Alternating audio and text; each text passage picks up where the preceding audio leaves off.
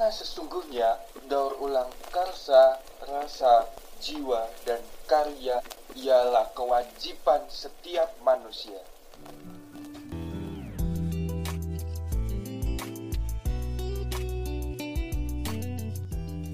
podcast pojokian semudara dengan dialektika. Baik lagi sekarang sama gue Jo di sini. Nah, udah nggak tahu ya udah episode keberapa sekarang. Kedua baru Udah kedua, Kedua. baru kedua. Tapi suara pura-pura udah senior iya, gitu. padahal udah lama sebenarnya cuma vakum aja. Nah, eh, di sini gue Jo eh, sebagai tim Red Giants ada kedatangan beberapa tamu. Yang pertama, monggo Mas. Siapa namanya Mas? Eh, kenalin nama aku Muhammad Aurelianta bisa dipanggil Mawar lah Mawar. Mawar Mawar gitu. Mas Mawar aktif di mana Mas kalau boleh tahu Mas? Saya aktif di ini sih kalau mungkin di gerakan di kampus nggak di dalam bentuk omek ya mungkin lebih gerakannya indie aja gitu Wih, indie. cuman main di lebih aktif di gondrong sih awal dari keresahan juga Mas satunya? Saya, Ya, saya, saya Lendra Sukma. Bisa dipanggil Sukma. Mas Sukma sama aktif di Gondrong juga? Belum, Bang. Belum, akan berarti ini ya, Akan. Kalau boleh tahu Mas Ori angkatan berapa? 2017 aku Bang. 2017. Mas Sukma. Sukma Angkatan 2019. ada satu lagi nih teman kita. Perkenalin nama Farhan. Oke. Nah tadi kan udah dari dua orang nih. Kalau boleh tahu nih dari dua orang depan gue yang teman-teman 2019, pengen gak sih gondrong? Saya kebetulan udah pernah gondrong Udah pernah. Ya. Pas kapan tuh? pas habis lulus SMK Abis lulus SMK, tuh berarti sempat gondrong tuh. gondrong Oke. sampai seleher. Seleher. Ya. Lumayan juga itu. Aku dulu pernah sih, tapi nggak sempet sampai panjang gitu. Cuma setelinga. Cuma satu telinga. Ya, Nah, eh, kita pengen tadi ada statement yang menarik sebenarnya dari Mas Mawar ya tentang eh, sempat ada sedikit eh, permasalahan ya pas gondrong. Cuma sebelum kita tarik ke permasalahan tersebut, gue pengen tahu nih, War. Kenapa sih pada akhirnya lu pengen gondrong? Gimana ya jelasinnya ya mungkin kalau secara eh, dulu kan mungkin bukan gondrong nih Oh ya. terus emang itu kok keren aja gitu pakai eh, stylenya orang-orang zaman dulu pengen aja kan waktu itu berhubung waktu dulu di pondok kan gue pondok kan Iya. dibotakin mulu Buset. iya jadi bosan kan hitungannya potongan Iya. rambut pendek mulu ya udah coba coba lah dulu jelek kan pertamanya awalnya kayak aduh zaman zaman masih pendek enggak panjang juga enggak kan nanggung nggak enak banget kan Hmm. dilihatnya juga terus ya nyoba nyoba lah sambil nyoba mungkin juga sampai sembuh terus enak aja gitu kelihatannya kayak asik aja gondrong. Cuman mungkin dasarnya lebih ke ini sih lebih ke karena mungkin yang tahu ya mungkin gondrong kan uh, sebagai simbol melawan arus juga. Nah, itu. kebetulan juga itu. Kebetulan juga di kampus kita nggak boleh gondrong. Ibaratnya kan makin ada aturan kayak gitu makin wah ada nih kayaknya nih ada ada adrenalin yang harus dipacu Yes. nih kayaknya nih dengan karena oh, mungkin bentuk perlawannya seperti apa. Waktu itu ketemu senior lah. Hmm. ada waktu itu senior gondrong kebetulan teknik sipil juga namanya bang Putra jadi dia waktu itu gondrong waktu ketemu pertama bang nggak bisa gondrong bang di UMM oh kita ada caranya deh di sini. Oh gitu bang. Nanti masuk aja lah di aliansi. Nanti sambil ngobrol-ngobrol sambil ngumpul-ngumpul lah. Oke. setelah itu uh, lanjut lah waktu itu kumpul sama teman-teman aliansi buat pertama kalinya rada canggung kan sebenarnya kan. Nah, ibaratnya maba nih sekelas maba gabung ke teman-teman gondrong kan. Ibaratnya belum pernah gondrong lihat orang yang rambutnya segitu-gitu semua kan kayak wih gila aja gitu. Di kampus yang kayak gini masih ada aturan bentuknya larangan gondrong nih lebih ingatnya Uh, kok masih ada yang gondrong gitu loh oh kayaknya asik nih dicoba nih terus gimana bang caranya bang biar nggak ketahuan nih oh pakai wig kita Pakai Iya. wig. pakai wig Pakai wig. Ya, jadi pakai itu wig. biar nutupin rambut gondrong. biar nutupin Oke. Nah, jadi pakai wig nih teman-teman waktu itu pertama kali nyoba wig waktu itu kebetulan di UAS eh sorry di UTS semester 2 waktu itu UTS semester 2. pertama kali rada gugup juga rada kayak ya malu kayak Ah, ah, cupu lah kayak kelihatannya cuman nggak apa-apa otomatis kan teman-teman juga sih gila jelek banget rambut lo kayak ya nggak masalah lah ibaratnya buat untuk mempertahankan rambut yang Hmm. bisa terurai bebas kan Iya, iya, iya. yang mudah-mudahan dari sini Tapi kan gini, um, di UB juga kebetulan. Aku aku pribadi kan kuliah di Universitas Brawijaya, kurang ngerti lah kalau di UMM. Kalau di UB sendiri tuh uh, peraturan gondrong itu ada di uh, Ospek. ospek ya, Yes, Jo, ospek. ospek. Jadi ada salah satu surat edaran juga di fakultasku kebetulan Fakultas Ilmu Administrasi yang salah satu poinnya itu dibentuk oleh panitia bahwa um, mahasiswa harus uh, mempunyai rambut yang rapih. Dan rapih itu diartiin sama nggak boleh gondrong rapi itu berarti rambutnya nggak boleh nyentuh kuping betul nggak boleh nyentuh kerah dan segala macam. Dan ternyata di UMM malah peraturannya sifatnya kampus ya? Lebih parah sifatnya bahkan nggak berarti uh, kan ada ospek juga ya UMM ya? Ada ospek. Itu pun nanti setelah ospek kelar um, tetap nggak boleh gondrong ya? Tetap nggak boleh. Nah itu ini kan berarti problemnya nggak cuma terjadi di salah satu kampus, kampus ya yes. Tapi kalau misalkan kita lihat nih ada berarti kan ada dua perspektif nih. Ada dari UB juga ngelarang dengan sifatnya memperhalus ya lu harus rapi iya. Iya kan? Terus satunya harus secara frontal yang lu sama sekali nggak boleh gondrong sampai harus pakai wig. Cuma kan itu tidak lepas dari stigma-stigma kadang yang melekat kan terhadap pasti, pasti. orang-orang yang rambutnya gondrong. Hmm bener-bener. Kadang gue juga per- pernah gondrong nih. Gue pernah merasakan gondrong. Lu juga ngerasain gak sih hal yang sama? Ketika misalkan lu gondrong lu dicap sebagai seorang yang jahat nah bener. kriminal. setuju gak sama statement kayak gitu? Sebenarnya kita kayak nggak masalah sih berarti kan kayak ya boleh dicap kriminal kalau kayak kalau lu nggak mandi lu nggak pernah kuliah gondrong nih berarti lu boleh aja orang ngecap kayak gitu. Berarti kan dengan tatan model rambut lu yang kayak gitu dengan juga perilaku lu kan ibaratnya Hmm. kan ya orang-orang sekarang gitu ya lihatnya dari rambut dari kepala mungkin karena mungkin dulu juga waktu kecil kita dicekokin sama sinetron-sinetron yang kalau pakai mobil katana terus preman-premannya gondrong gitu kan gitu kan kayak gitu kan kan. Jadi otomatis kan uh, uh, jadinya stigmanya orang ini kayak oh gondrong ini preman gondrong ini kayak gini. Padahal di era yang sekarang udah enggak. Hmm. tapi hal tersebut kadang masih terjadi nggak di teman-teman UMM sendiri? Maksudnya kan ada sudah sampai keluar satu peraturan kan ya dalam artian ngelihat teman-teman yang gondrong ini berarti beda. Rasa nggak sih? Maksudnya ada bentuk-bentuk intimidasi nggak sih sebenarnya? Pasti sih kita kerasa. Ibaratnya kan mungkin dalam bentuk contohnya lah dalam bentuk asistensi nih asistensi laporan nih ibaratnya nih. Ada dosen tertentu yang emang bilang "Eh, mas kalau besok asistensi harus rapi ya. Sedangkan rapi ini kan kita nggak tahu nih Iya, parameternya rapi ini Iya, apa. kan kita nggak tahu tuh. Iya. terus juga kadang di kelas ada bahkan di kontrak kuliah awal kadang waktu pertama kali masuk nih Hmm. eh, di mas di kelas ini nggak boleh gondrong. Ketika kita tanya eh, nggak boleh panjangnya seapa pak? Semenurut saya nggak rapi ya saya potong. Pokoknya malah kayak seenaknya dia sendiri Subjektif gitu ya. jatuhnya malah kayak ternyata sama juga mungkin pernah waktu ya rada ini sih rada lucu sebenarnya kejadiannya jadi waktu saya semester 2 ada mungkin dosen orangnya eh, dia rada ngomong eh, kok saya nggak suka ya mas lihat rambutnya sampean gitu kayak ya kalau kita ngomong suka nggak suka kebetulan juga saya nggak suka pak sama rambut bapak yang kepalanya tengahnya botak gitu, gitu. Iya. Makanya kita bicara masalah suka nggak suka. Lah ini gue yakin dua, dua orang di depan tahu nih siapa nih. kerasa lah mah. Itu katanya kalau di kampus kalau gondrong diselengkat Jo Buset. jadi kalau eh, gondrong diselengkat aja apa-apa. jorokan selengkat dijorokin Bercandanya jorokin ya. Ini jorokin lagi. Tapi eh, itu kan tadi dari teman-teman UM. Lu ngerasa gitu juga gak sih, guys? Maksudnya ini kan tadi udah dalam tataran kampus ya. Lu dalam kehidupan sehari-hari, lu ngerasa gak sih lu kadang dapat intimidasi ketika rambut lu gondrong?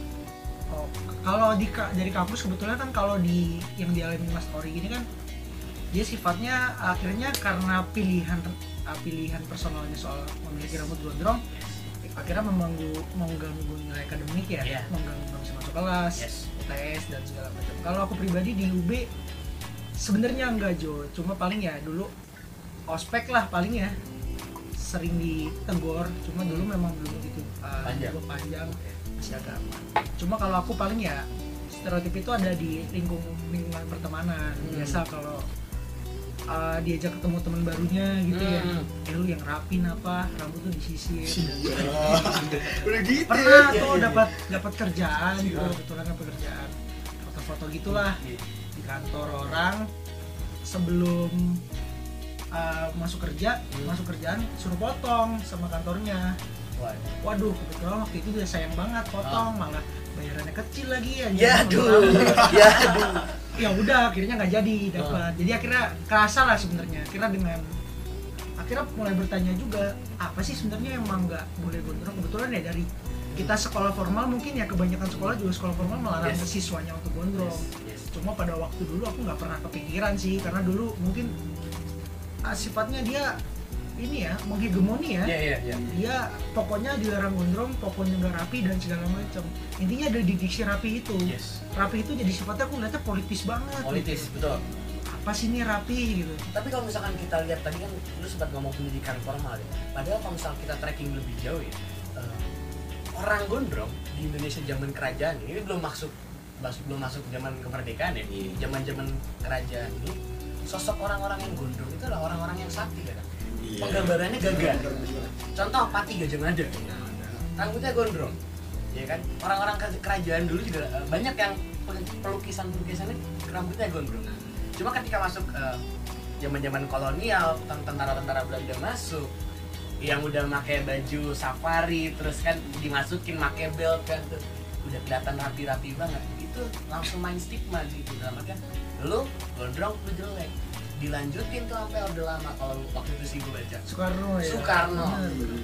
kalau misalkan kita lihat kan waktu itu Soekarno melihatnya budaya barat itu kan hal-hal yang harus kita halangi. Konservatif lah ya konservatif gitu kan yang kita bahasnya Eh, pada saat itu mungkin ada satu budaya yang namanya budaya hipis. Kalau teman-teman tahu budaya hipis yang artinya budaya eh, di pemuda-pemuda di barat itu pengen buat rambutnya gondrong habis itu menyuarakannya menyuarakan menyuarakan kebebasan mengkritik pemerintahan cuma dianggap oleh Soekarno karena dia anti banget sama barat nih ya dikat lah tuh budaya. Terus lambat laun Soekarno lengser masuk ke zaman Soeharto. Soeharto kan sebenarnya kalau misalkan kita tarik sejarah Soeharto agak dekat kan di Iya, kerabatannya sama Barat ya.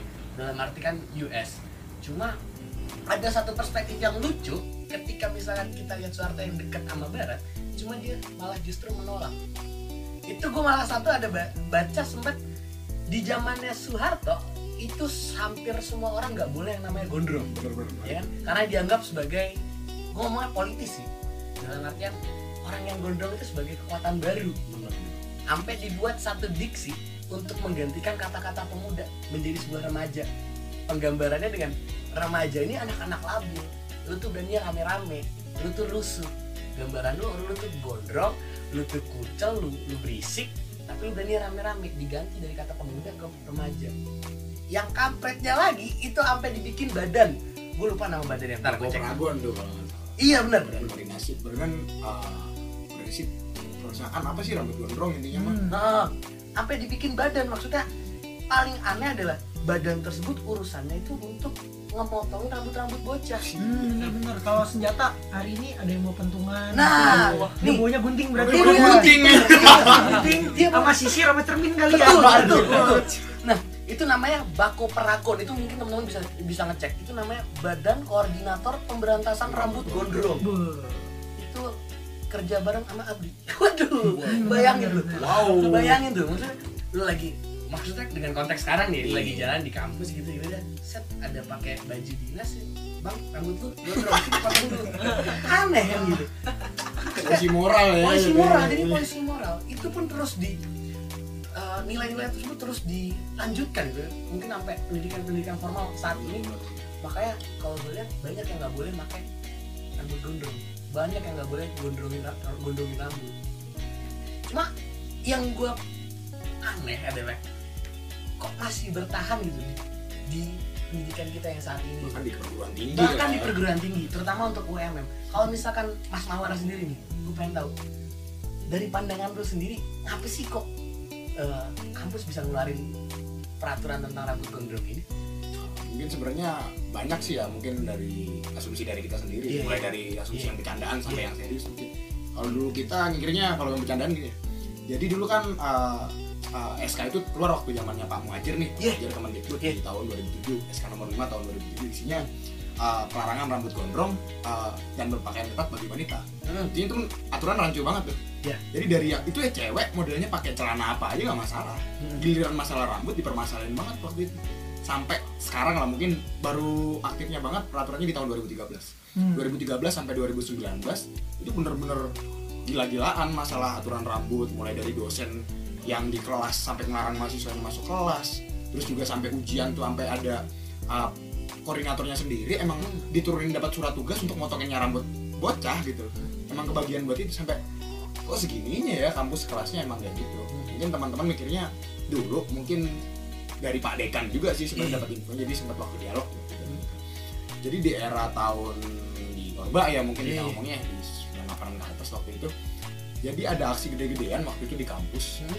Dan rata-rata waktu itu emang anak-anak UMM orang-orang gondrong semua bahkan sekelas dosen yang di UMM sendiri pun dia pernah dia pernah kuliah di UMM sendiri pun dia gondrong juga dulunya rata-ratanya gondrong gitu terus kita mikir kayak kok sekelas dosen dulu boleh gondrong kita nggak boleh ya Hmm. mungkin karena mungkin dari si Pak Rektor ini dulu mikirnya kayak wah orang-orang gondrong ini bahaya nih Hmm. mungkin kalau bahasa bercandanya wah si Pak Muhajir ini pernah mimpi dulu nih kalau saya ada yang bakal lengserin dia Yes. yang anak gondrong itu Hmm.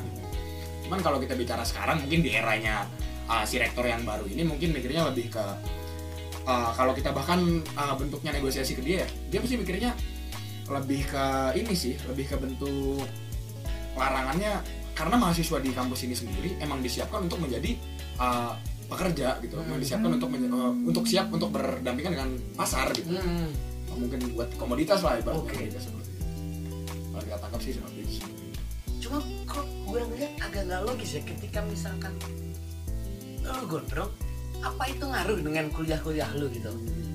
Lu ngerasa gak sih? Guys Nggak ada sih Nggak ada kan? Ya, rese aja kan. rese aja kan maksudnya? Ngerasa sih kalau nggak sampai 4 hari tuh waduh Ya, ya ngerasa sih. gatel, tombe kan kalau Iya, gue iya. jalan. Di kelas lo tombe mulu. Main ditarik itu sebatu sih. Gede banget kan tapi kalau gue ngeliat berarti eh, sifat-sifat otoriter itu masih ada nggak sih dari peraturan-peraturan yang sifatnya abstrak gitu ya kalau gue ngeliatnya.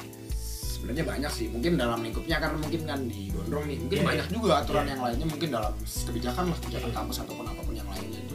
Bentuknya emang mengekang gitu lah rata-rata. Emang biar ya karet banget gitu loh. Ibaratnya mahasiswa emang bener-bener haknya mahasiswa kalau di UMM kalau kita bicara sini kampus UMM emang gede. Hmm. cuman haknya manis haknya mahasiswa di sini bener-bener kecil gitu.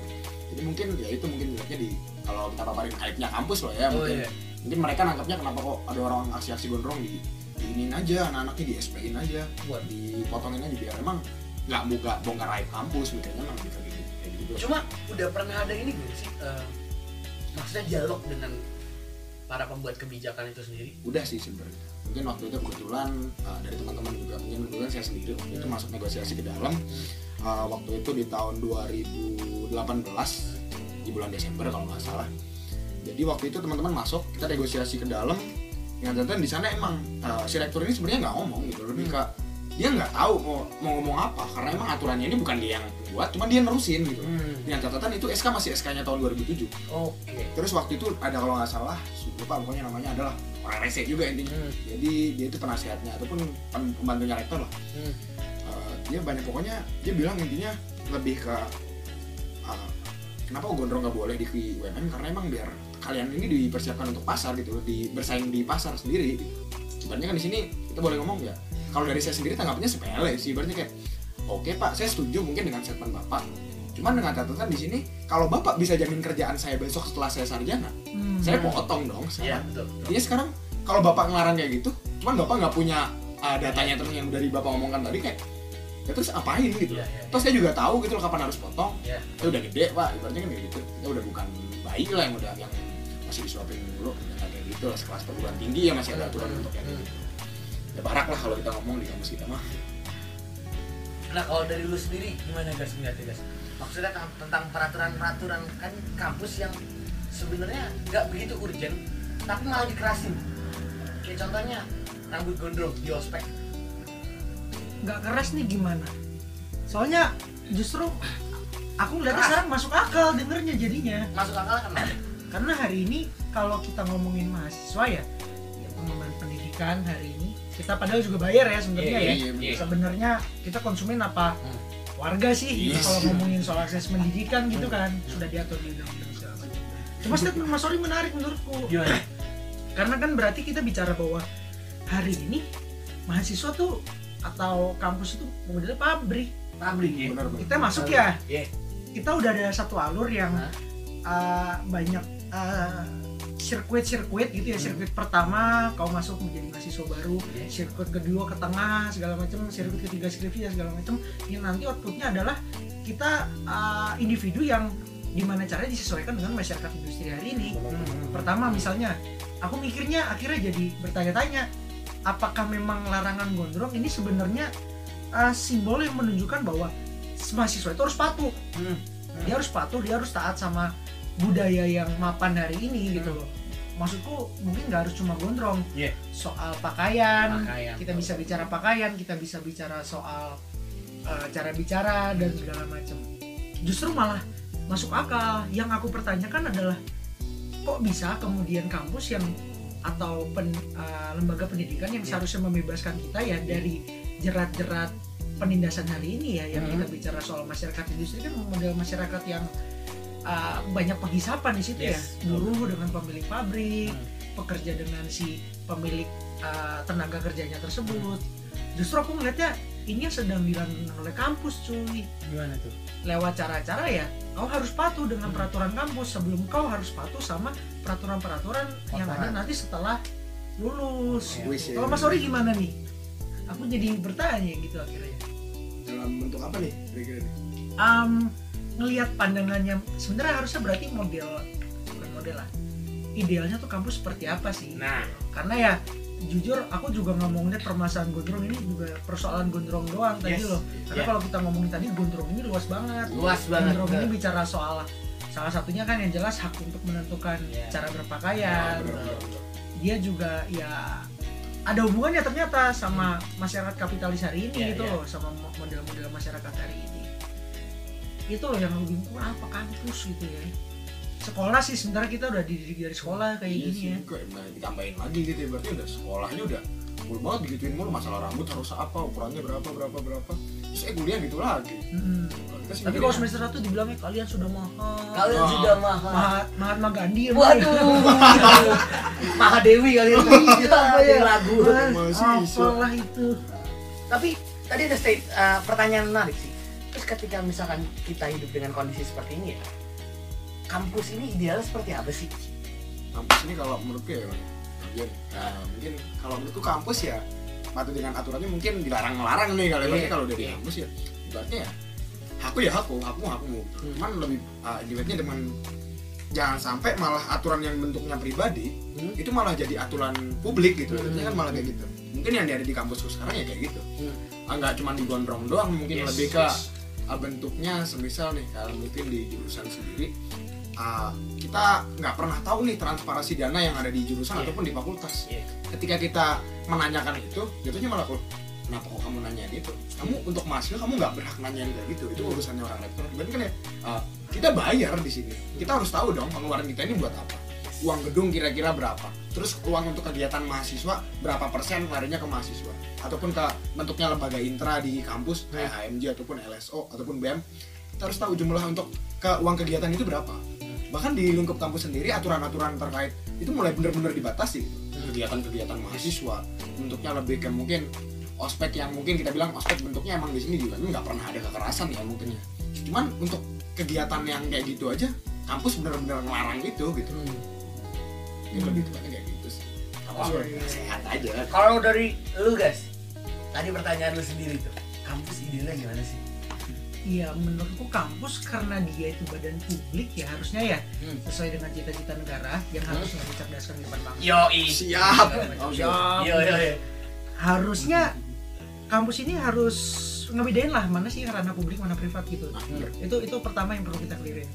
Kenapa kampus nggak ngurusin hal-hal hari ini misalnya ketika kita ngomongin reformasi di korupsi gitu. Berapa sih kampus yang berani ambil sikap terkait Yes, isu ini? Iya kan, sifatnya turunan biasanya. Nah, Mahasiswa yang turun, bahkan sekarang ada somasi ya Ya. dari menteri Ya. kemarin sempat bahwa mereka yang turun ke jalan uh, Jokowi waktu itu sebelum dilantik kemarin ya Yes, presiden juga yes. kan dia uh, menyampaikan kalau ya soma ya ada bentuk somasi kepada mahasiswa yang ketika kita turun ke jalan atau kawan-kawan mahasiswa turun ke jalan itu malah jadi bentuk uh, menurut mereka tidak bermoral ya Hmm. tidak etis. Kita ini negara hukum kan katanya. Hmm. Uh, gunakanlah mekanisme hukum. Padahal kalau kita lihat catatan lapangan sejarah ya seefektif apa sih? Iya jalur pengadilan. Dia mungkin beberapa kasus-kasus taktis bisa ya. Tapi ya mungkin kita sering dengar lah istilah soal apa? Tajam ke bawah runcing ke bawah tumpul ke atas. Yoi. Dan ketika kita bicara perada uh, sejarah mungkin ya hari ini banyak kok uh, kejadian-kejadian yang ditentukan di jalan misalnya ketika Hmm. bicara reformasi gitu ya Yes. 98 Yes. kalau kau tidak mendudukan gedung DPR waktu itu an- ah, mahasiswanya nggak pada duduk di genteng-genteng DPR tuh ya di atapnya DPR mungkin Soeharto sampai, sampai sekarang Masih. masih ada Ya udah Ah. sih enggak sih. Tapi ya. rezimnya lah mungkin Masih rezim ada tangan mungkin. besinya itu masih luar biasa nah cuma kan kalau bicara kampus tadi Hmm. kenapa kampus nggak ngurusin soal uh, permasalahan uh, perampasan ruang hidup yang hari ini marak terjadi gitu ya di di Kulon Progo lah Iya. di Bali Iya. di Jakarta dan banyak titik tempat lainnya. Kenapa kampus malah ngurusin soal mendukung pembangunan pabrik semen misalnya yang ada di Kendeng? Malah, kampus menguru- ya Ah, malah ngurusin satu hal yang sifatnya privat yang menurutku nggak urgen. Belum lagi kita ngomongin hal yang sederhana logikanya. Menurutku apakah berambut gondrong itu kan tadi yang ngaruh sama otak mikir lo gitu. Iya. ngatur apa berpengaruh sama cara lo berpikir gitu kan akhirnya bicara itu stereotip ya kan makanya ada yang bilang ya gondrong itu bentuk perlawanan mungkin ya ada yang bilang seperti itu Betul. karena Ya, kalau lihat sejarahnya tadi kan sempat kau sampaikan soal hippie ya Iya. hippie itu kan sebenarnya counter culture sebenarnya Counter culture. atas budaya uh, orang-orang Eropa Iya. atau orang-orang Barat yang dia itu menggunakan uh, kemeja rapi, Yes, betul. tapi kerjanya ngejajah ya, Iya. ngejajah Iya. negara-negara lain Iya. ya, ngejajah. Gitu sih maksudku kampus kampus ini udah ya masa kita masuk ke kampus tuh buat diurusin sih urusan-urusan privatnya gitu. Cuma yang menarik jangan sampai kalau aku ya Iya. bahwa melihat permasalahan gondrong ini sifatnya eksklusif gitu ya Bang Yes, Gori ya. Dia ini bukan ini bukan permasalahan rambut gondrong, ini permasalahan bahwa hari ini kita mahasiswa itu ayolah Solidaritas lah. ah, ah, kita ini masa udah banyak gitu. Yes, betul. Kita sama-sama ah, hak untuk mengakses pendidikan hari ini mahal ya kan. Kita nggak pernah kalau di UB sih nggak pernah diikut sertakan dalam pengambilan kurikulum Iya. misalnya ya nggak Hmm. keputusan-keputusan naiknya UKT dan segala macam kita juga nggak tahu menahu kan deh nah maksudku ah, sedikit demi sedikit hak kita ini dirampas Secara tidak sadar aku aku melihatnya. ah, ah, dan salah satu adalah rambut gondrong Rambut gondrong. Ini masih masih kan mungkin kita lihat masih rambut gondrong. Nggak tahu ke depannya mungkin kita udah diseragamkan. nah bisa Ah, jadi iya. ada beberapa kampus Ada beberapa kampus betul betul banget. aneh anehnya gini nih aneh juga nih ada samarin deh kalau larangan gondrong itu kan biasa identik sama uh, jenjang pendidikan uh, militer ya sama polisi salah Betul, satunya ya betul, betul, betul. yang katanya itu uh, tujuannya pendisiplinan gitu ya, Yes, pendisiplinan yes, kalau kita ngomongin uh, sekolah militer mungkin jelas konteksnya ya Ya. kenapa mereka nggak boleh gondrong Hmm. jelas itu karena di lapangan kerjanya supaya mereka Lebih luas agak ah, Iya. nggak usah ngucir rambut nggak Iya. usah mikirin nggak usah mikirin kuncirnya kuncirnya kelepas Iya. terus lagi main nembak senjata anjing eh eh anjing Eh, belum sampoan kuncir kuncir gue lepas gitu gimana ini gitu lagi lagi lempar granat nyangkut di rambut Iya. artinya sifat itu itu keputusan-keputusan taktis yang memang kontekstual gitu loh Iya. betul. lah dalam masyarakat ilmiah hari ini gitu ya atau hmm. yang uh, terjadi di kampus relevan gak sih masih yang gitu Nah, gitu. oh iya tapi aku mau tanya sih sebenarnya sama kawan-kawan gondrong WMM ya nyebutnya bener. WMM um, uh, sering ya aku lihat kalau di lapangan tuh kawan-kawan WMM misalnya turun ke medi kemarin pun uh, soal reformasi di korupsi juga ya.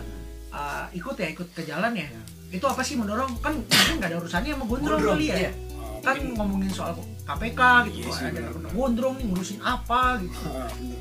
Ini kalau kita tangkapnya di sini ya, ibaratnya uh, gondrong ini kalau boleh kita lihat di kampus mungkin di bentuk kawanan kita sendiri di aliansi sendiri mungkin kita nggak jangan cuma berkutat sama urusan rambut itu doang. Oh. Soalnya yang jelas kita nanti bakal lihat sama orang-orang di kampus ini teman-teman dari gondrong mau ngurusin rambut dulu sih. Hmm. Ibaratnya yang perlu teman-teman ketahui di sini adalah uh, teman-teman gondrong UMM di sini nggak takut sama gunting. Oke. Kita takut akan uh, mungkin pembatasan hak kita sendiri itu gitu.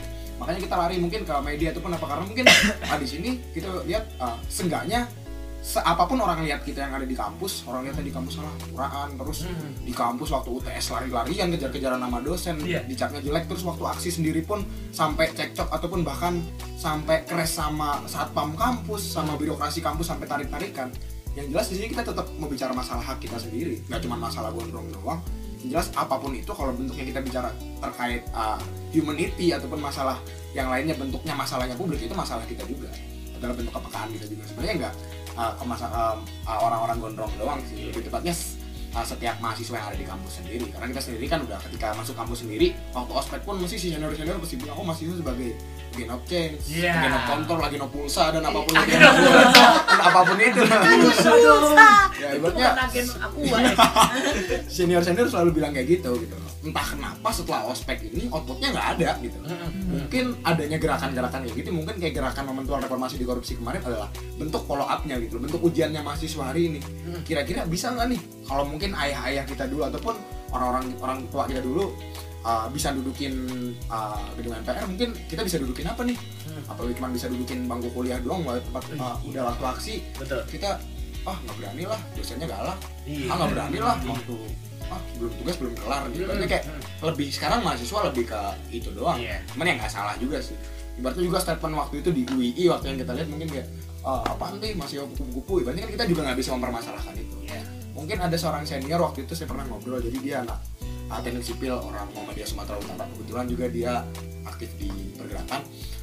Ah, jadi dia pernah ngomong kalau saya ketika mahasiswa ini semuanya turun aksi ah, nggak ada yang emang fokus di pendidikan untuk Iya. membina ah, edukasi buat orang-orang. Buat ah, ibaratnya orang-orang pendatang-pendatang baru lah begitu. Ah, lebih tepatnya ke mahasiswa baru ataupun ah, murid-murid yang baru siswa-siswa lah.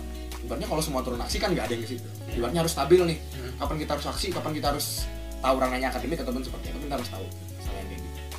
Jadi kalau aku dari aku sih sebenarnya simpelnya uh, se kita kayak gimana pun di kampus IPK mu angkanya berapapun yang jelas ya jangan sampai kita lupa akan hak kita sendiri dan kewajiban kita sendiri sebagai mahasiswa.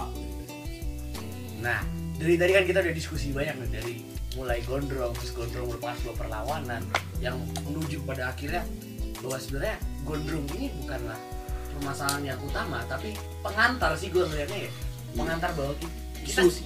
pengantar isu bahwa sebenarnya kita sadar akan hak kita yang sebenarnya secara tidak secara halus mungkin ditidurkan gitu dari mulai rambut pakaian nanti menuju tiba-tiba lu udah nggak boleh eh, ngomong nanti di sosial media atau pakai peraturan-peraturan lainnya. Mungkin gue pengen nanya nih untuk ke setiap individu yang ada di sini. Gondrong dan perlawanan menurut lo kayak gimana sih?